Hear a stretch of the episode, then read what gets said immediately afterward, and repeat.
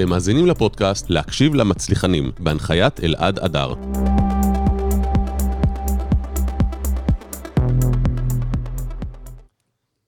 יפה, בן סמוכה, מה שלומך? מצוין, תודה, מה איתך? מעולה, אני אזיז לך טיפה את המיקרופון ברשותך לפה, אין ככה בעיה. כשתסתכל עליי גם ישמעו אותך. אין בעיה. מעולה. אני מנסה ו- לעשות לנו תעשה ואני לנו לא שיתופים, מוצא את גם אני הפוסט. מתחיל ותעשה שיתופים. איפה אני אם אמצא לא את הפוסט? מצאת, תביא לי אותו רגע. אם לא מצאת, תגיד לי. מעולה.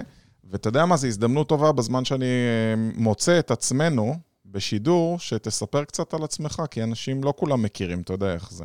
כן, יאללה, בכיף. אז תציג את עצמך. אז אני בן סמוכה, אה, אני בן 30, אה, עוסק בתחום של המטבעות הדיגיטליים כבר קצת יותר מארבע שנים. למעשה הקמתי את קריפטו ג'אנגל, שזה האתר המוביל בישראל היום בתחום, למידע, תוכן, חדשות, מדריכים וכדומה. הקמתי את קהילת מדברים קריפטו, אה, הקהילה הכי איכותית בישראל לתחום, אה, שהיום כבר מונה כמעט 20 אלף איש. וואו. כן, ראיתי בעמוד, לא, לא הצלחתי, זה בדיוק שיתפתי וזה ננעל. אה, אוקיי. מצאתי את השידור וזה ננעל, אז, אז אתה נעשה, עוד... נעשה את זה במקביל, אני multitasker. יאללה.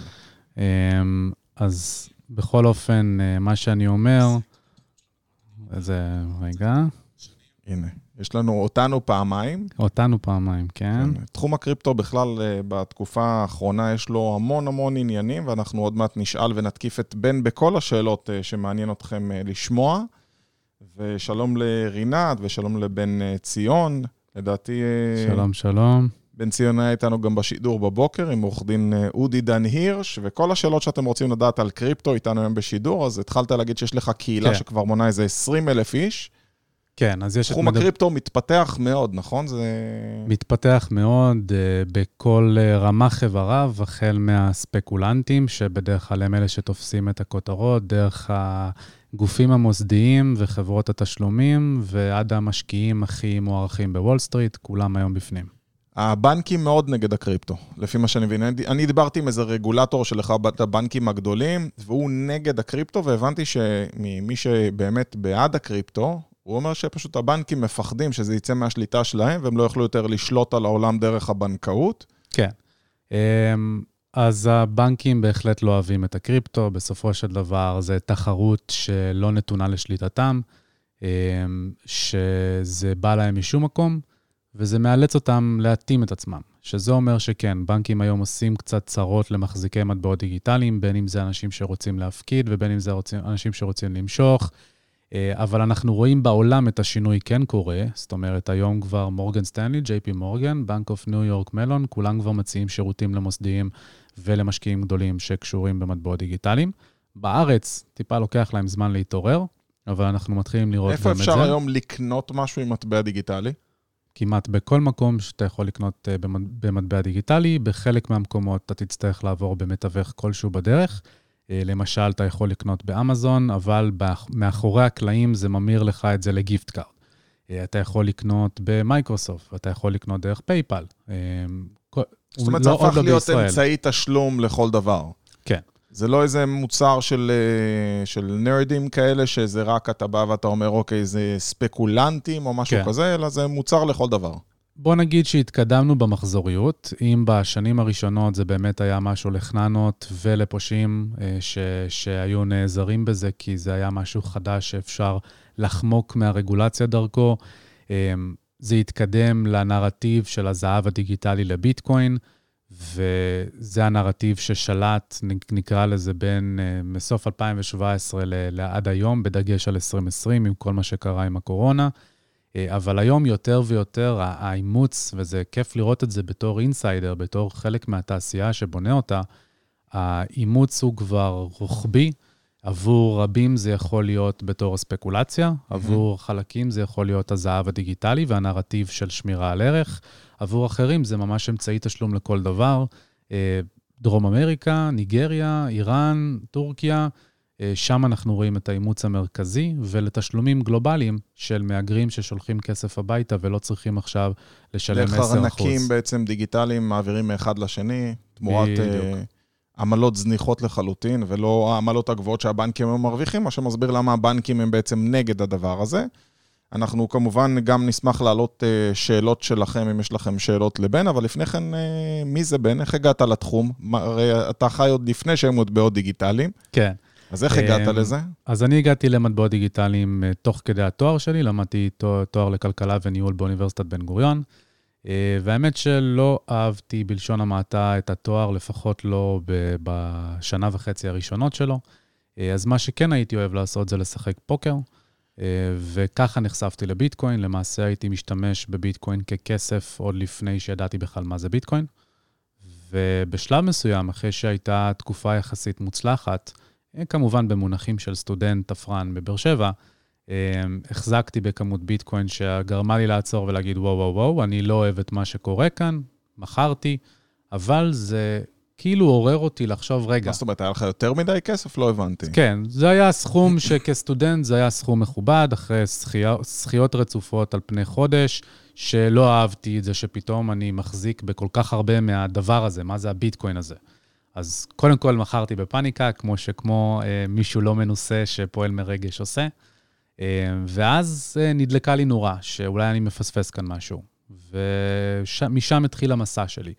אה, מסע שכלל למידה לעומק של מטבעות דיגיטליים והטכנולוגיה שבסיסם, החל מההיבטים הכלכליים עד העומק של הטכנולוגיים והקריפטוגרפיים, זאת אומרת, המתמטיקה שיושבת בבסיס, אה, ועד ההיסטוריה של הכסף. אה, להבין עד כמה אנחנו צריכים את המהפכנות ואת השיבוש שמטבעות דיגיטליים מביאים איתם לאיך כסף עובד היום. אז אני מאמין שאתה כבר משוחד, אתה בטוח תגיד שזה מה שצריך וזה העתיד, ואני יודע שאתה לא היחיד שמדבר ככה, לא אילון מאסק לא מזמן אה, צוטט והקפיץ אה, הרבה מטבעות דיגיטליים כלפי מעלה. בינתיים הוא כבר הספיק אה, את שהוא. טרול לא קטן, אילון מאסק.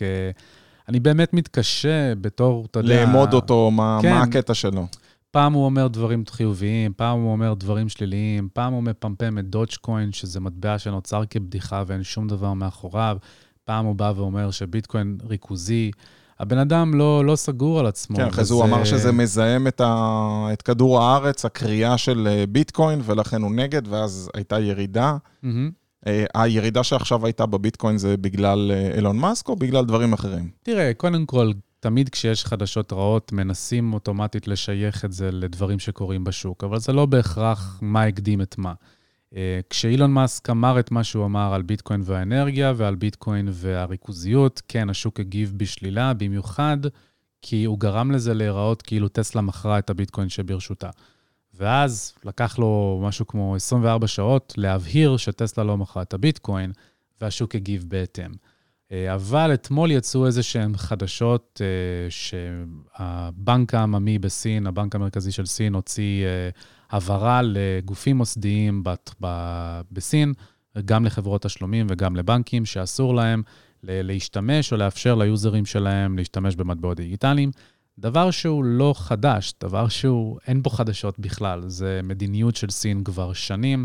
אה, אסור לבורסות לפעול בתחום, אסור לאזרחים סינים אבל להנפיק אולי זה מטבע חסם דיגיטלי. משהו לגבי העתיד, זאת אומרת שהוא בא והבהיר להם שגם מבחינת העתיד הוא- אי אפשר. הוא בא להבהיר להם, סין בתור דיקטטורה, בא להבהיר לאזרחים שיש רק כסף אחד שישלוט במדינה, וזה הכסף שהיא מנפיקה, וזה המטבע הדיגיטלי כי היא רוצה שלה. לשלוט בהם ובחופש שלהם. בעצם ברגע. שאתה שולט בכסף של בן אדם, אתה שולט בחופש שלו, וזה בעצם הרעיון של כל הדבר הזה. נכון, אה, זה למעשה מה שאותי, אני, אחד מהדברים שאני הכי חושש מהם, כשאנחנו מסתכלים קדימה, לאן פנינו הולכות, שמבטלים בהדרגה ואז במהירות את כסף מזומן וצועדים יותר ויותר לכסף דיגיטלי ממשלתי. אה, כסף דיגיטלי החופש. ממשלתי, אתה מדבר על מה? על דברים על- כמו ביט, שמעבירים מאחד לשני, או... אז לא. אז צריך לעשות את ההפרדה, כי כיום אנחנו נמצאים במערכת שבה המגזר הבנקאי משחק תפקיד משמעותי באיך שכסף עובד, איך כסף עובר בין מוסדות, בין אנשים, ואיך כסף חדש מיוצר כחוב. ומטבע דיגיטלי של בנק מרכזי, שזה מה שמדברים עליו היום, שסין כבר השיקה את שלה, שוודיה כבר בפיילוט, ארה"ב מדברת על שלה, בנק ישראל הוציא. כמו, כמו ביטקוין, אבל של מדינת ישראל, אתה מדבר. בדיוק. לא שח אה, דיגיטלי. זה לא משהו שמצפים שהוא הולך יש להיות כבר מבוזר. שם או נמציא בשידור? איך זה הולך? זה יהיה שקל דיגיטלי, זה יהיה דולר אוקיי. דיגיטלי, ככה יקראו לזה. דיש. בארצות, בסין זה דיספ, ככה הם אוקיי. קוראים לזה. אמ, עכשיו, זה כבר משהו שמשנה לחלוטין את מבנה המערכת המוניטרית כיום, בגלל זה יש גם הרבה קשיים שזה מתמודד מולם. האופן שבו זה יאומץ כשכל המטבעות האלה יושקו אצל כל מדינה בפני עצמה.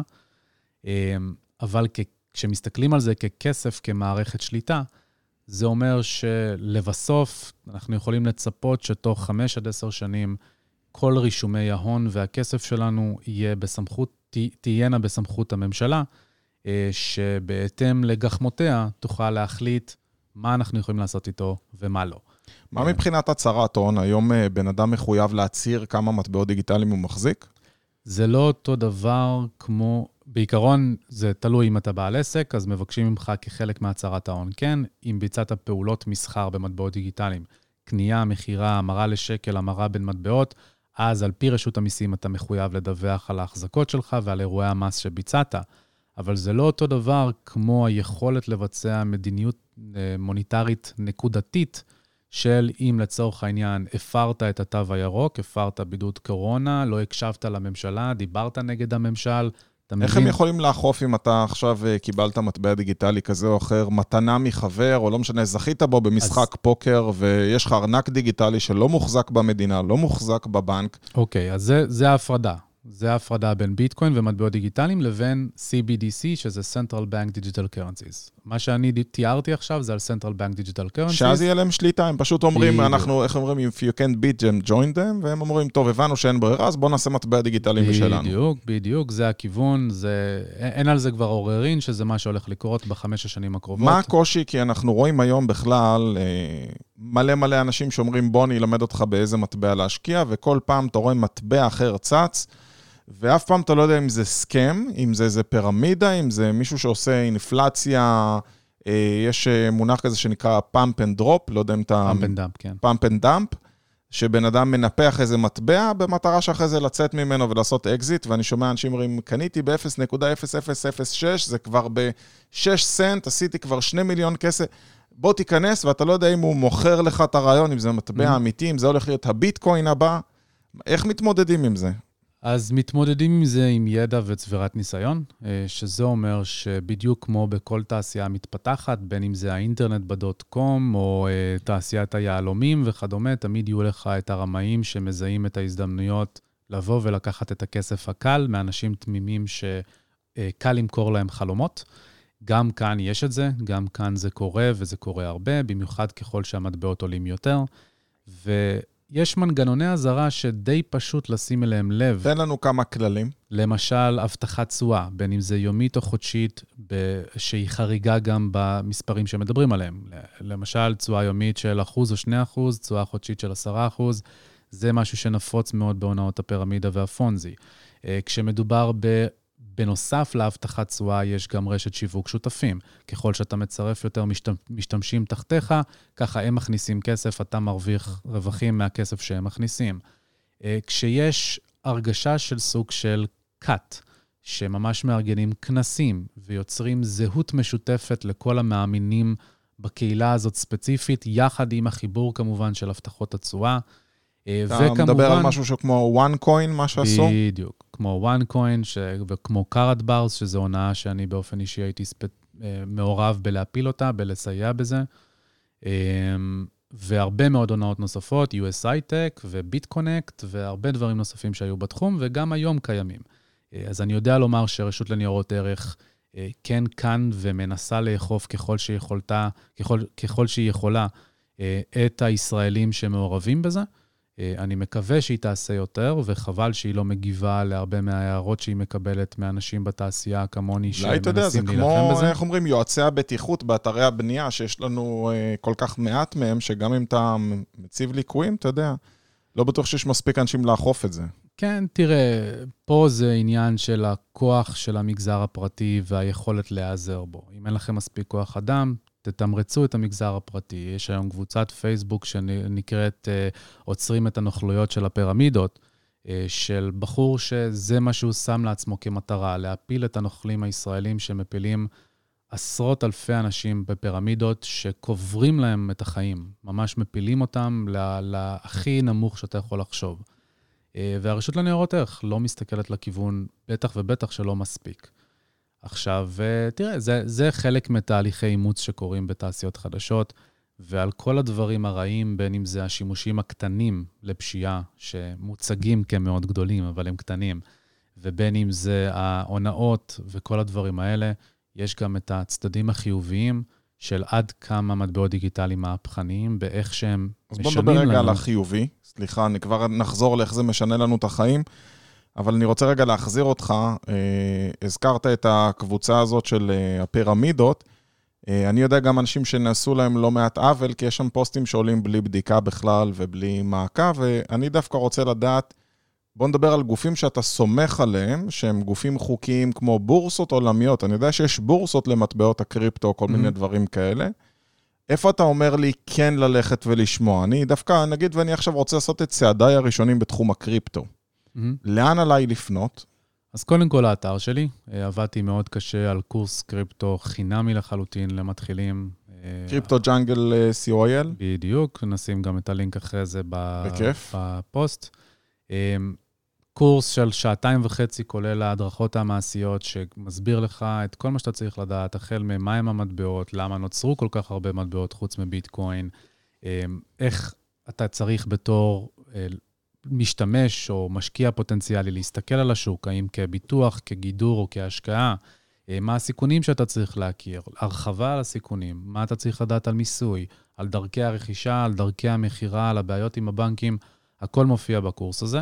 האם אתה מסכים עם הגישה שמטבעות דיגיטליים זה לא אסטרטגיה של אקזיט, אלא זה אסטרטגיה של טווח ארוך? כי... חד משמעית. כי אני חושב שאחת הטעויות שאנשים נכנסים לקריפטו, זה אומרים, יאללה, בואו נראה איך אנחנו עכשיו עם ביטקוין קופצים מ-17 ל-30, כמו כאלה שהצטרפו עכשיו, הוא קפץ אה, ל-55 אלף, לא יודע כמה הוא היה בשיא, ועכשיו הוא נפל ל-37, ואנשים ברכבת הרים, אבל אם אנחנו מסתכלים על המגמה של, אה, של הביטקוין, בואו נגיד לפני חמש שנים, כמה היה שווה ביטקוין?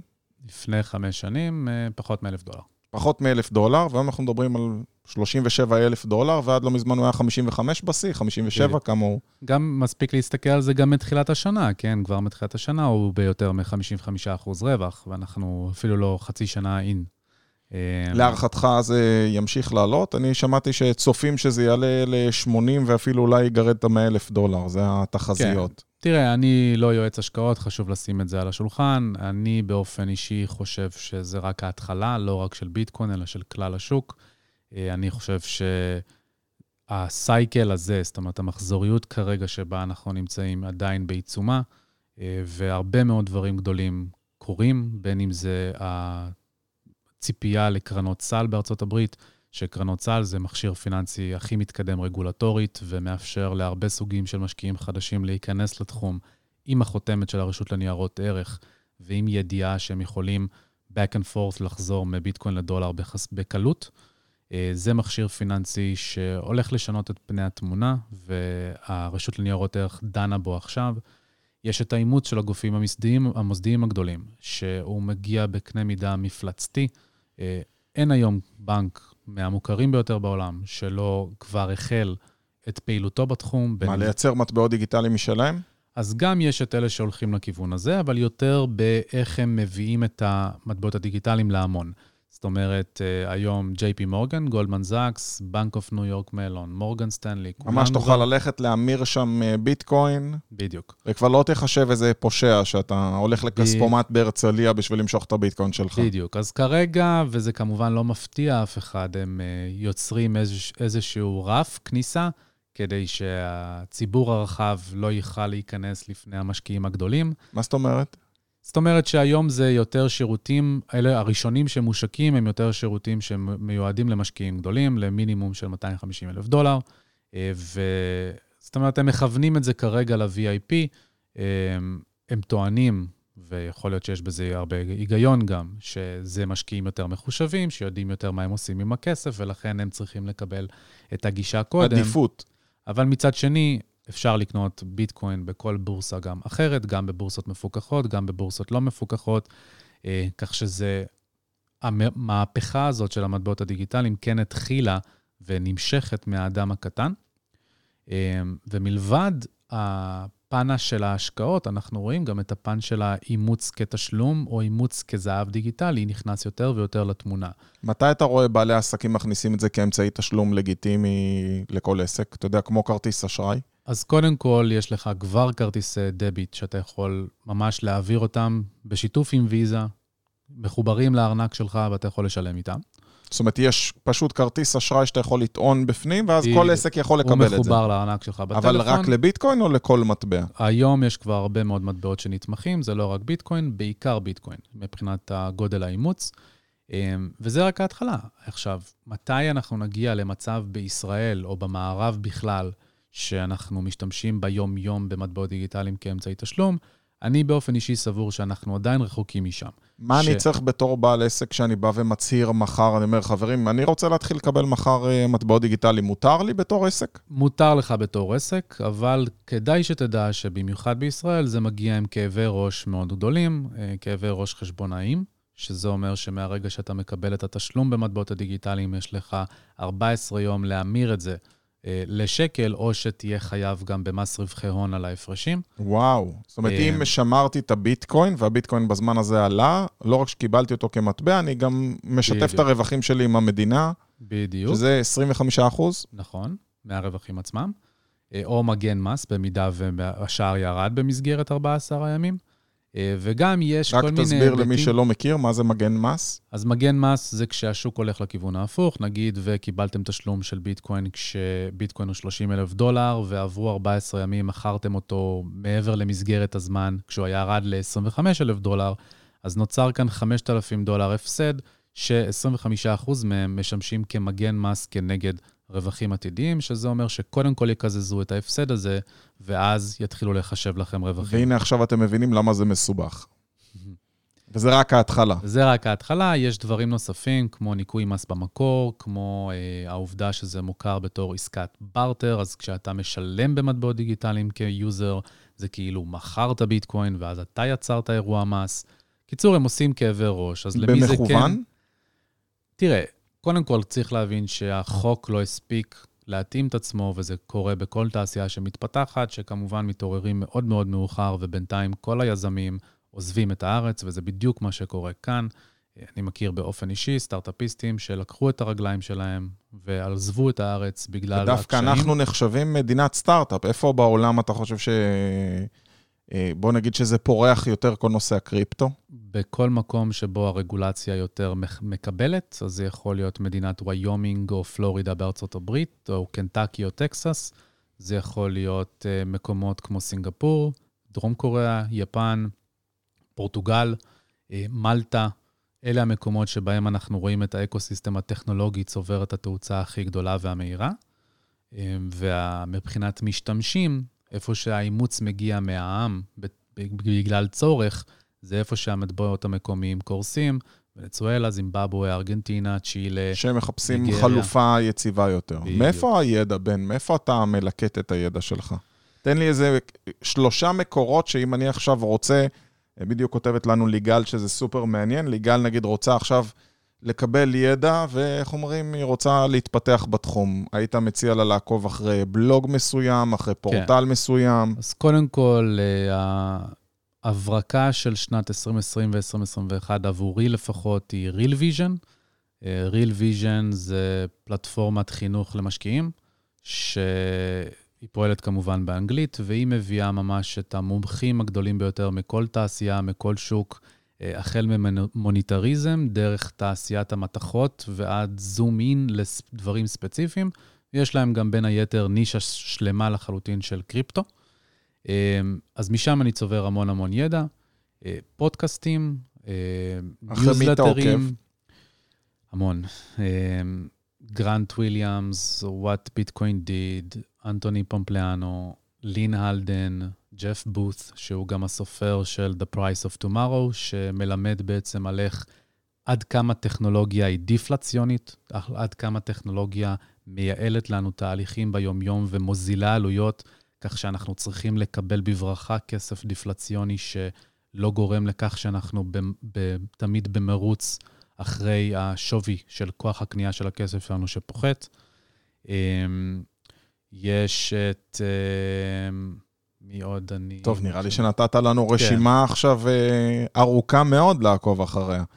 ויש איזה ספר ספציפי, אתה יודע, אני קצת מפחד לשאול אותך על ספר, כי נראה לי שעד שגמרו לכתוב את הספר הוא כבר לא היה רלוונטי. נראה לי שהכל זה יותר עדיף לקבל בלייב.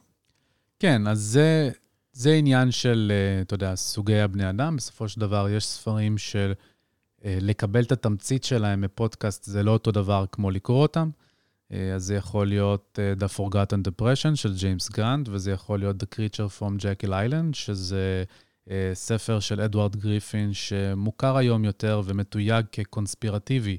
אה, אבל הוא נותן זווית אחרת על איך כסף עובד היום אה, ומה הוא עשה לאורך החיים שלנו. תן לנו איזה קטע מהספר, דווקא נשמע מעניין.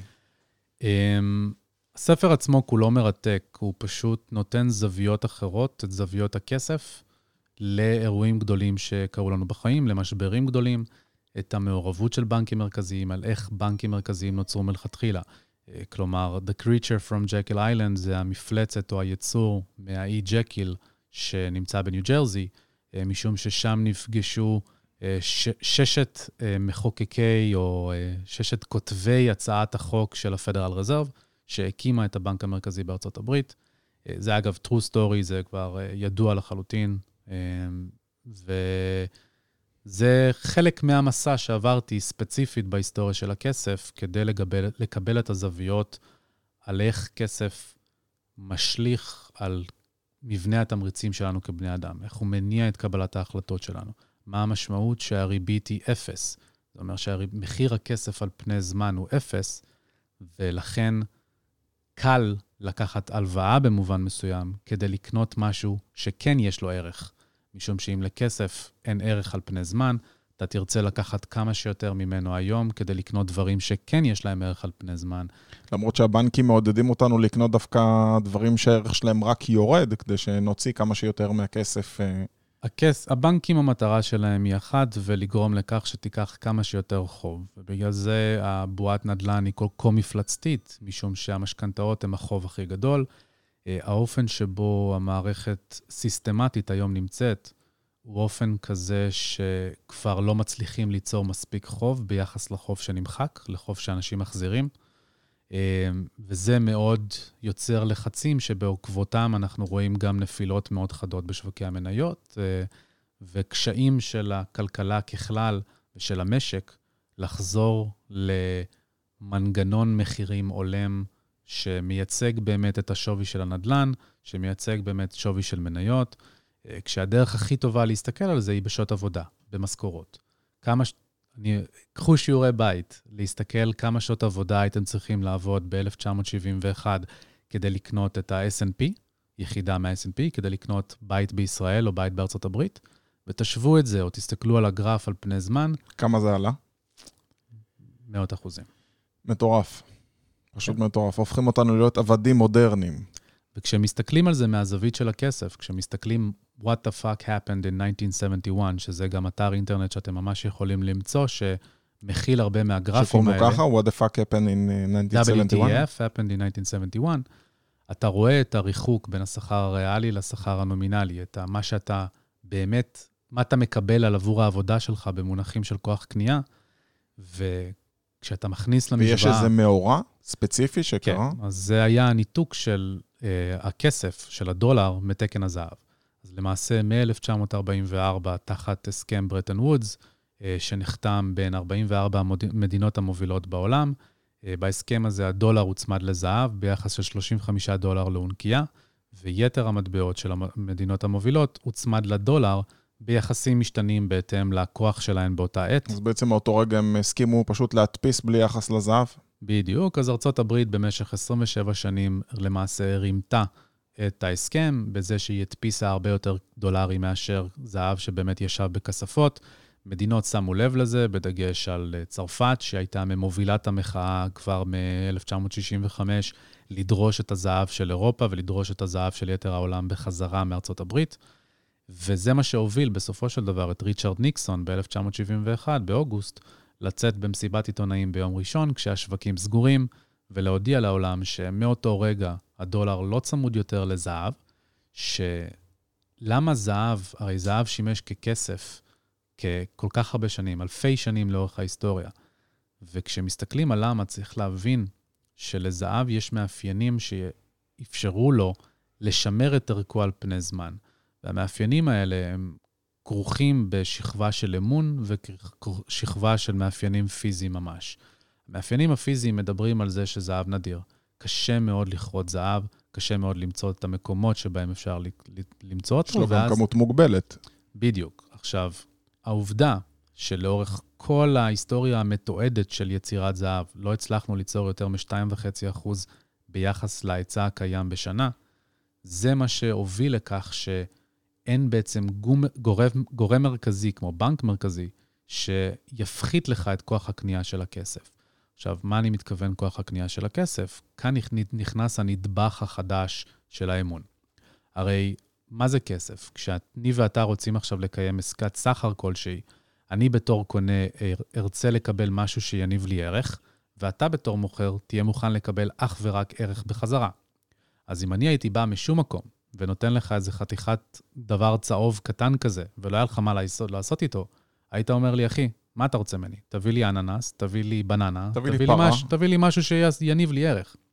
אבל היה לך את ה... נוצר לך האמון שאתה תוכל לקחת את הדבר הצהוב הזה, ותמיד תמצא לו מוכר שיניב לך ערך כנגדו. מהסיפור שאני מכיר, הבנקאים הראשונים למעשה היו הצורפים. בדיוק. ובעצם מה שקרה, אה, זה הפך להיות בנקאות כשהם הבינו שהזהב שאתה מפקיד בידיהם, כי המקצוע השני שהפך להיות נפוץ, אני לא יודע אם אתה מכיר את המשך הסיפור, זה שודדים.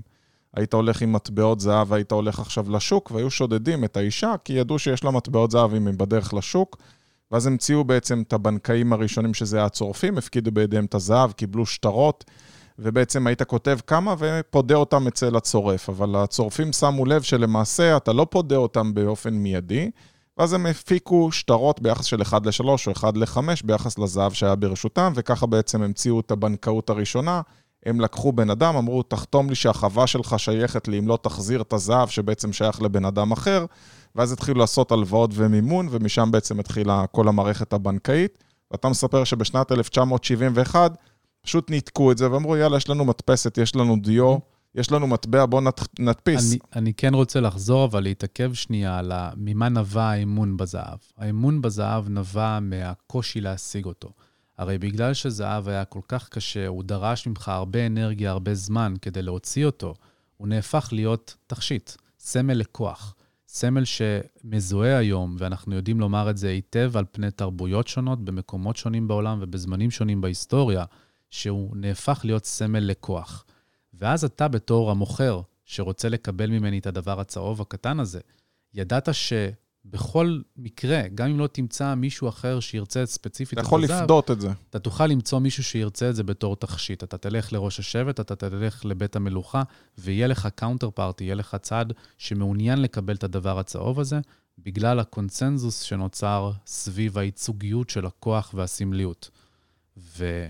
וכשב-1971 ניתקנו בפעם האלוהים יודע כמה את הכסף מזהב, וכל פעם מחדש, אגב, זה הוביל לקריסה של מטבעות.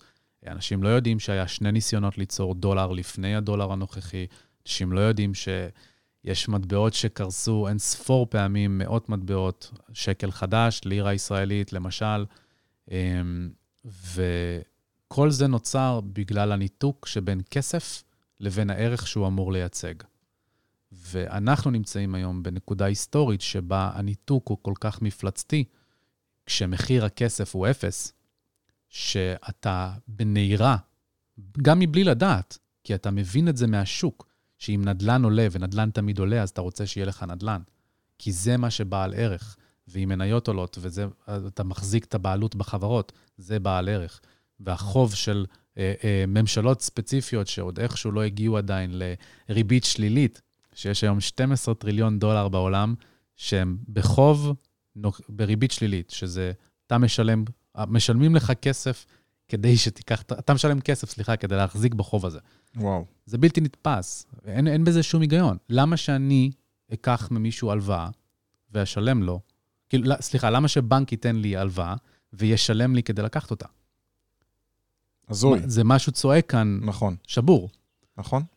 וזה מה שביטקוינרים הבינו. ואנשים, אה, וזה מתחבר... בגלל זה הביטקוין הוא מוגבל בעצם, כי הוא כמו הזהב. יש בדיוק. כמות מוגבלת, וגם יש עבודה מאוד מאוד קשה. אתה בעצם מגביל את הביטקוין לזהב, אתה אומר, מאוד קשה לכרות אותו, לכן קוראים לזה גם קריאה, זה כמו זהב, אתה צריך אה, לכרות אותו קשה מאוד. מה אתה אומר על כל אלה שמחזיקים אה, חוות קריאה? זה עסק משתלם? זה עסק משתלם, תלוי איפה אתה נמצא בעולם, וזה אחד מהדברים שלאחרונה יצא לי טיפה לצלול יותר לעומק שלהם, לעד כמה התעשייה הזאת מרתקת בפני עצמה. אז רק תעשיית קריאת ביטקוין היא כבר שווי של 40 מיליארד דולר, רק החברות, עזוב וואו. את הרווחים. אמ, וזה יצר מרוץ להשגת האנרגיה הזולה ביותר, משום ש-90% או יותר מההוצאות של הקוראים... מהעלות זה בעצם החשמל. שצורך... אה, בדיוק. אז מה שזה הבנתי מוביל... שרצו למקומות קרים מאוד בעולם בשביל אה, לייצר את או זה אפילו. מקומות קרים מאוד, או מקומות שבהם האנרגיה המתחדשת היא כל כך זולה וכל כך בשפע, כמו טורבינות רוח באירלנד או בטקסס, כמו אה, אנרגיה הידרואלקטרית מהנהרות במחוזות שינג'יאנג וסצ'ואן בסין, או בוושינגטון State. זה, שם אנחנו רואים את המרוץ. קנדה, אוקראינה, שם מוקמות החברות הגדולות ביותר, כי שם יש את המרג'ינים, את הרווח השולי הכי טוב. אז במה להשקיע? ב- ב mining או בקריפטו? תראה, mining זה סיפור שמצריך ידע טכנולוגי יותר עמוק, ידע כלכלי יותר מוצלח והשקפת, השקפה ארוכת טווח. כי mining זה סיפור שאתה נכנס אליו כשאתה מבין שאתה מתחייב כאן למשהו על פני זמן. בהחזקה, אתה פשוט יכול ליהנות מכמעט אותה חשיפה, מבלי ההתעסקות בשוטף בלסמוך על מישהו אחר שינהל לך. את ציוד או וברזלים. במישהו אחר שינהל לך את זה. בדיוק. איזה מטבעות אתה קנית בשבוע האחרון? אני כל הזמן אה, באופן כללי משנה את התיק שלי, אני מודד את הרווחיות שלי במונחים של ביטקוין, אה, כלומר, אני סוחר כנגד ביטקוין, ובהתאם לזה, בשבועות האחרונים, בחודשים האחרונים, הייתה תקופה טובה למטבעות אלטרנטיביים. אה, איתריום יותר מהכפיל את עצמו ביחס לביטקוין, לייטקוין אה, יותר, גם כן הכפיל את עצמו ביחס לביטקוין בחודשיים האחרונים, והרבה מטבעות נוספים. אז התיק שלי משתנה בצורה יחסית אדירה, ממש צריך לעקוב אחרי זה ברמה שבועית? אלא אם כן, זה, זה תלוי בן אדם. אה, אני חי את השוק הזה, אני מלמד גם על השקעות ועל מסחר בשוק הזה, ובגלל זה אני מתאים את האסטרטגיה אליי. אז אני רואה את עצמי יותר בתור סווינגר, שאני נכנס לשבועיים, שלושה לפוזיציית עושה מסחר. פליפים כאלה? בדיוק. ואז, לעומת משקיע סולידי שהוא שם את הכסף, אומר, חמש שנים אני הולך לישון על הביטקוין או על. האיתריום, שניהם יעלו. האסטרטגיה שהוכיחה את עצמה בצורה הכי טובה עבור משקיעים עד כה, זו האסטרטגיה הכי פשוטה שיש, וזה דולר קוסט אברג', שאתה פשוט מחליט מה המטבעות שאתה קונה, ואתה כל חודש, כמו ביטוח, כמו... קונה קצת, בדיוק. כל פעם קצת. הוראת קבע, ממש הוראת קבע. יש אה, מקומות שאפשר לעשות כזה דבר? יש יש איזו היום- אפליקציה שאתה ממליץ? אה, יש היום את Bits of Gold, שיש להם שירות שמאפשר רכישה בהוראת קבע של ביטקוין ואיתריום. אני מאמין שבקרוב נראה יותר ויותר שירותים כאלה קמים. בארצות הברית יש לך כבר אה, שירותים כאלה ברמת ה-5 שקל כל שבוע שאתה יכול לעשות, וואו. ולא בסכומים יותר איזה גבוהים. יופי אפשר לעשות לילדים, אתה יודע, כזה הוראת זה קבע. ממש מה שאנשים עושים. תגיד, כמה זה רחוק מלעשות מטבע של סקסס? כמה זה מסובך? אני עכשיו רוצה לעשות סקסס קוין, טכנולוגית לא מסובך בכלל, בעשר דקות אפשר לעשות את זה. אה, רגולטורית, פרקטית, מותר לי? זהו, רגולטורית, פה אתה מכניס נדבך חדש, ברגע שאתה הופך את הטוקן הזה לשכיר, אתה כנראה הופך אותו גם לנייר ערך. אה, אז טוקן יכול להיות אה, איזשהו כלי עבור ניהול קהילות וניהול מבני תמריצים בתוך קהילות, שזה אומר שאתה ממש יכול ליצור את זה כמו נקודות טיסה, בסגנון של נקודות טיסה, שנותנות לך הטבות על רכישות של קורסים, על רכישות של שירותים, של ייעוצים, של כל מיני דברים כאלה. שיטה לתמרוץ עובדים? שיטה לתמרוץ עובדים, ודרך גם להניע את זה בתוך הקהילה. זאת אומרת שיוזרים גם יוכלו ממש ליצור אקו-סיסטם סביבם. ואז זה מכניס לך מבנה תמריצים, כמובן אם מנהלים את זה נכון מבחינת המבנה הכלכלי של המטבע, אה, שגורם לכך שיש לך power users שגם מחויבים כלכלית, מתומרצים יש כלכלית. איזו אפליקציה שאפשר ליצור את זה בזה? איזושהי מערכת שתומכת בזה? או שעכשיו כאילו- צריך לסחור אה, עשרה תוכניתנים מהודו כן, כדי לייצר כן את זה? ולא. יש לך היום כבר כלים שיאפשרו לך לעשות את זה טיפה יותר בקלות. בפועל זה עוד לא שם מבחינת UX, אז אתה כן תצטרך מישהו שיודע היטב מה הוא עושה כדי לנהל את זה בצורה טובה, וגם מבחינת היוזרים, אנחנו עוד לא שם ב mindset של לפ, לפתח מטבע מהסוג הזה עכשיו, זה מאוד חלוצי בזה שאתה בעצם גורם למשתמש, למשתמשים להוריד ארנק ולתפעל איתך, זה משנה את הצורת ממשק שלך איתו. אז מה שאני מאמין שאנחנו נראה, זה אנחנו נראה יותר ויותר קהילות מהסוג הזה מתחילות להשיק מטבעות ועוברות לטלגרם, שבטלגרם אתה יכול לפתח בוט שממש מאפשר לך לנהל את הממשק ואת האינטראקציה כאינטראקציה עם בוט. אז אפרופו, הזכרת את טלגרם, מדברים על זה שוואטסאפ רוצה להוציא מטבע דיגיטלי? לא וואטסאפ, פייסבוק. פייסבוק, כאילו, כן. הם כבר בתהליך, לא? אז כן, אז הם בתהליך כבר שנים, והם כמובן קיבלו הרבה סתירות מהרגולטור, היה להם חזון מאוד מאוד גדול ו... קל להם מאוד להשתלט על העולם, ברגע שיש לך גם את וואטסאפ, גם אינסטגרם וגם פייסבוק, עכשיו הם גם יוציאו מטבע דיגיטלי, הם גם ככה כל, מפילים אה, ממשלות... אה, הם כבר שולטים בעולם, אה, כל החברות הגדולות היום, מבחינת השווי שלהן כבר... ורק הרזרבות מזומנים שלהם כבר יותר גדולות ממדינות משמעותיות בעולם, אה, וכמובן שהכוח הפוליטי והגיאופוליטי שלהם. אבל אה, מה שפייסבוק עשו זה בהתחלה הם ניסו ליצור איזשהו איגוד, הם הקימו עמותה בשוויץ שאיגדה תחתיה הרבה מאוד גופים פיננסיים והרבה מאוד קרנות ודברים כאלה שכאילו כולם היו אמורים להיות שחקני מפתח, שנקרא אה, צמתים מאמתים. Mm-hmm.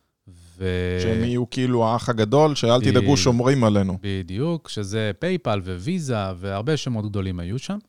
כמובן שאיך שפייסבוק קיבלה את הסטירה הראשונה מהרגולטור, אז פייפל יצאו החוצה, ויזה יצאו החוצה, הרבה מאוד ברחו מהפרויקט. אה, זה גרם לנזק תדמיתי. לא ש... נראה לי שהם הולכים לוותר על זה, נראה לי שזה... פייפל לדעתי... ידחפו את זה עד ש... פייפל לדעתי, אוטוטו משיקה מטבע דיגיטלי צמוד דולר. אני נותן לה כמה חודשים בגג. אה, לא אתפלא לראות את ויזה עושה את זה, ג'יי פי מורגן כבר עשו את זה ל internal use, אה, ואנחנו נראה יותר ויותר. ופייסבוק, ששינתה את השם מליברה ל-Diem של המטבע שלה, עכשיו בדיוק הודיעה ממש לאחרונה שהיא הופכת אותו למטבע דיגיטלי צמוד דולר. אה, במקום שזה יהיה מגובה בסל מטבעות, כמו הדולר והיורו והיואן. מה זה בעצם וה... אומר שזה צמוד דולר? זה אומר שפייסבוק שאין לו ערך משלו לעלות ולרדת, אלא זה צמוד דולר, זאת אומרת, אתה סוחר, אבל אתה יודע מראש תמיד כמה הוא שווה, וזה בעצם לא אנחנו קובעים את השווי שוק, שאין לנו pump and dump, אלא לא יכול להיות דבר כזה, אלא זה תמיד צמוד. ואתה סומך למעשה על פייסבוק, שהיא מחזיקה בחשבון בנק איפשהו דולרים שלכאורה מגבים את המטבע הדיגיטלי שלהם. עכשיו, מה שזה יאפשר להם, זה יאפשר להם להביא את הדולר לכל היוזרים שלהם, גם בהודו, גם במקומות אחרים. גם במדינות שלא עובדים עם דולר. בדיוק. אה, אז זה, זה כיוון מעניין שסטייבל קוינס הולכים לכיוונו, שסטייבל קוינס זה באופן כללי מטבעות דיגיטליים צמודי דולר. מצחיק שאתה אומר דולר, ולפני רגע דיברנו על 1971, ש... כן. Uh, תראה, מאז 1971 כמובן נכנסנו לשנות האינפלציה הגדולות בארצות הברית, שזה היה עשור, עשור פלוס של עליית מחירים מטורפת, של uh, uh, שפל כלכלי, תקרא לזה, או סטגפלציה יותר נכון, שהכלכלה לא נעה, אבל המחירים כן עלו. אה, הפגיעה הזאת בדולר, זאת אומרת, ההיחלשות של הדולר הובילה לקרייסס בכל העולם, אבל מה שארצות הברית עשתה, זה לפתע להצמיד את הדולר במקום לזהב, לנפט. אה, זאת אומרת, ארצות הברית חתמה על הסכם עם סעודיה, שהיא תספק לסעודיה את כל ההגנה הנדרשת, ולכווית ולאמירויות וכדומה, ובתמורה הן מוכרחות, המדינות האלה יהיו מוכרחות למכור את הנפט שלהן אך ורק בדולר. וזה יצר סט חדש של ביקושים הכרחיים ל- ל- לדולר בכל העולם, כי אם אתה מדינה כלשהי שנמצאת ב- באירופה ואין לך יכולות, אין לך משאבי טבע להפיק נפט לעצמך, אתה תלוי ביבוא נטו. אז אתה חייב לקנות ולהמיר לדולר. דולר, ו... בדיוק. אז זה יצר תלות חדשה בדולר, שהחזיקה עד לא מזמן, עד לפני כעשור, היום ארצות הברית כבר יצואנית של נפט ולא יבואנית, וזה אחרי שהיא הייתה יבואנית של 80% מהנפט במדינה. אמ, וזה מפחית משמעותית את הביקושים לדולר, זה משנה ממש סדרי עולם בחלק של כמה ארצות הברית תופסת מהנפח של הכלכלה, לעומת כמה הדולר תופס מהנפח של עסקאות ותשלומים וחוב. אז הנפח של ארצות הברית בכלכלה הוא בין 20 ל-25 אחוז מהתוצר העולמי, אבל הדולר משמש לבין 70 ל-80 אחוז מהעסקאות בעולם, ויותר מ-45 אחוז מהחוב בעולם נקוב בדולר. אז הריחוק הזה, זה נראה כאילו הוא בדרך למעשה, תוך כדי עיבוד מעמד הדולר כרזרבה, לאזן את מה שקורה. מה הארנק אה, המומלץ מבחינתך? איפה היית ממליץ לשמור? אתה יודע, אנחנו שומעים לא פעם סיפורים שפה שמורים עשרה ביטקוין ושכחו את הסיסמה. כן. אתה מכיר את כל הסיפורים האלה? כן, אז אני אעשה באמת סדר בסיפורים האלה, שכמובן אוהבים אה, בתקשורת, כמובן להפוך את זה לקליק ביתי. אה, אז חשוב להבהיר שב-99% מהסיפורים האלה, האנשים שאיבדו את הקוד לביטקוין או את המפתח הפרטי שלהם, אלה אנשים שעשו את זה בשלב מאוד מאוד מוקדם. כלומר, קנו ביטקוין ב-5 דולר, כשהוא היה דולר, או כשהוא קנו, מהמם. אתה יודע, בסכומים מאוד נמוכים אז, שהקונספט בראש שלך, אתה לא לא מאבטח את לך, זה כן, כאילו זה אה. 10 מיליון דולר או 150 מיליון דולר, אתה מאבטח את זה, כאילו אתה זורק את זה איפשהו, למי אכפת? כן. אולי 10 דולר. אה, אז מצד שני, זה גם. לפרוץ את זה, זה גם אה, אמור להיות פשוט, אם זה באמת אה, היה ברמה כזאת. או טכנולוגיה כל כך ישנה. לא, זה פשוט האופן שבו אנשים החזיקו את המפתח הפרטי. זלזלו בזה בגלל בדיוק, השווי של זה. בדיוק. עכשיו, אני אעשה קצת סדר כדי שאנשים אה, בבית יוכלו להבין מה זה בכלל ארנק. ארנק זה ממש תוכנה שהיא כמו אימייל. באימייל אנחנו משתמשים בשביל לשלוח ולקבל מסרים. וכדי לקבל מסר, אני חייב לשתף את כתובת האימייל שלי, ואז יכולים לשלוח אליי. אבל בשביל לקרוא את המיילים שלי, או לשלוח. מייל בעצמי, אני צריך את הסיסמה. והסיסמה, כמו בכל דבר, אנחנו לא רוצים לשתף עם אף אחד, אנחנו צריכים לשמור אותה לעצמנו. בארנקי ביטקוין, או ארנקים של מטבעות דיגיטליים, אז אנחנו יכולים לשלוח ולקבל מטבעות דיגיטליים, או לצפות ביתרה שלנו.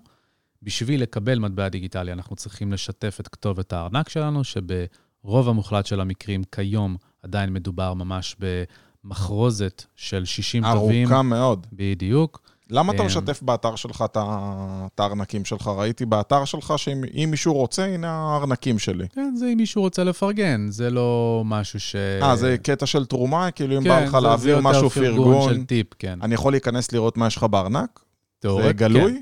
אתה זה יכול, גלוי? ספציפית בארנק הזה, כל ארנק, כל כתובת ארנק, אתה יכול לדעת בצורה שקופה לחלוטין כמה ביטקוין מוחזק בה, אבל קשה מאוד לשייך מי עומד מאחורי כתובת הארנק. אלא אם אם- כן אם- אמרת לי בדיוק. שזה שלי. אלא אם כן אמרתי. או הזדהיתי לצד. אז אם קניתי בנותן שירותים ישראלי ועברתי תהליך אימות זיהוי לקוח, והם העבירו לי את הביטקוין לארנק שלי, אז הם יודעים מה הארנק שלי, וכתוצאה גם רשות המיסים או רשויות אבל אכיפה אתה גם יכול אחרות. להחזיק כמה ארנקים, אתה לא נכון. מוגבל באחד. נכון, אבל ברגע שאתה עובר באיזושהי on-ramp, off-ramp, כלומר באיזשהו נותן שירותים פיננסי שדורש שתזדהה, אז למעשה לכלכת את הכתובת מבחינת פרטיות. יש דרכים להתנהל טיפה יותר באחריות של אה, הגנה על הפרטיות שלך, אה, אבל אם לחזור לארנקים, אז יש את כתובת הארנק, שכמו שאמרנו, היא גם חשופה וגם אה, צריך לשתף אותה כדי שישלחו לי מטבעות. יש את המפתח הפרטי, שהמפתח הפרטי זה כמו הסיסמה, זה למעשה ההוכחה המתמטית שניתן לקחת אותה לכל הארנק ולהתחבר איתה כדי להשתמש במטבעות הדיגיטליים. אז בכל פעולה שאנחנו עושים, ארנק יכול להיות במחשב, יכול להיות בטלפון ויכול להיות ארנק חומרה, שאני מיד אסביר מה זה. בכל פעולה שאנחנו עושים, מתבצעת מאחורי הקלעים חתימה דיגיטלית, ממש כמו, כמו שחותמים על צ'ק, רק אה, עם מתמטיקה מאחורי הקלעים, והחתימה הזאת מתבצעת אך ורק על ידי מי שמחזיק במפתח הפרטי, ולכן זה בעצם הדבר שהכי חשוב לנו לשמור ולגבות אותו. עכשיו, מה, למה אני מתכוון ואני אמחיש? אנחנו רגילים מאוד למרחב הפיזי. זאת אומרת, אם אני אלך ברחוב, אני אשים את הארנק בכיס הקדמי. אם אני עולה לאוטובוס, אני אשים את התיק עליי. אני יודע להגן על עצמי ועל הכסף שלי כבר בתת-מודע. במרחב הדיגיטלי אין לנו את זה, במיוחד לא כשמדובר בכסף. הסיסמאות שאנשים משתמשים בהן, ברוב המוחלט של המקרים, יהיו אותן סיסמאות לכל הפלטפורמות. האימיילים יהיו אותם אימייל שמשתמשים לכל הפלטפורמות. אה, אין מודעות לסיכונים בלחיצות על לינקים באינטרנט. מה המשמעות של ללחוץ על לינק של פישינג, שיכול לגרום לך ליפול בהונאה. ולכן, חשוב מאוד שכשיוצרים את הארנק, וזו הפעם הראשונה ובתקווה גם היחידה שנחשפים למפתח הפרטי, מגבים את המפתח הפרטי, שהיום זה 24, או 12 או 24 מילים, ברוב המוחלט של המקרים. מילים או מילים. תווים? 24 מילים? המפתח הפרטי זה או 12 או 24 מילים. כמובן שיש תלות באיזה ארנק, באיזה מטבע, זה יכול להשתנות, אבל ככלל אצבע, במיוחד לביטקוין, אה, זה מילים.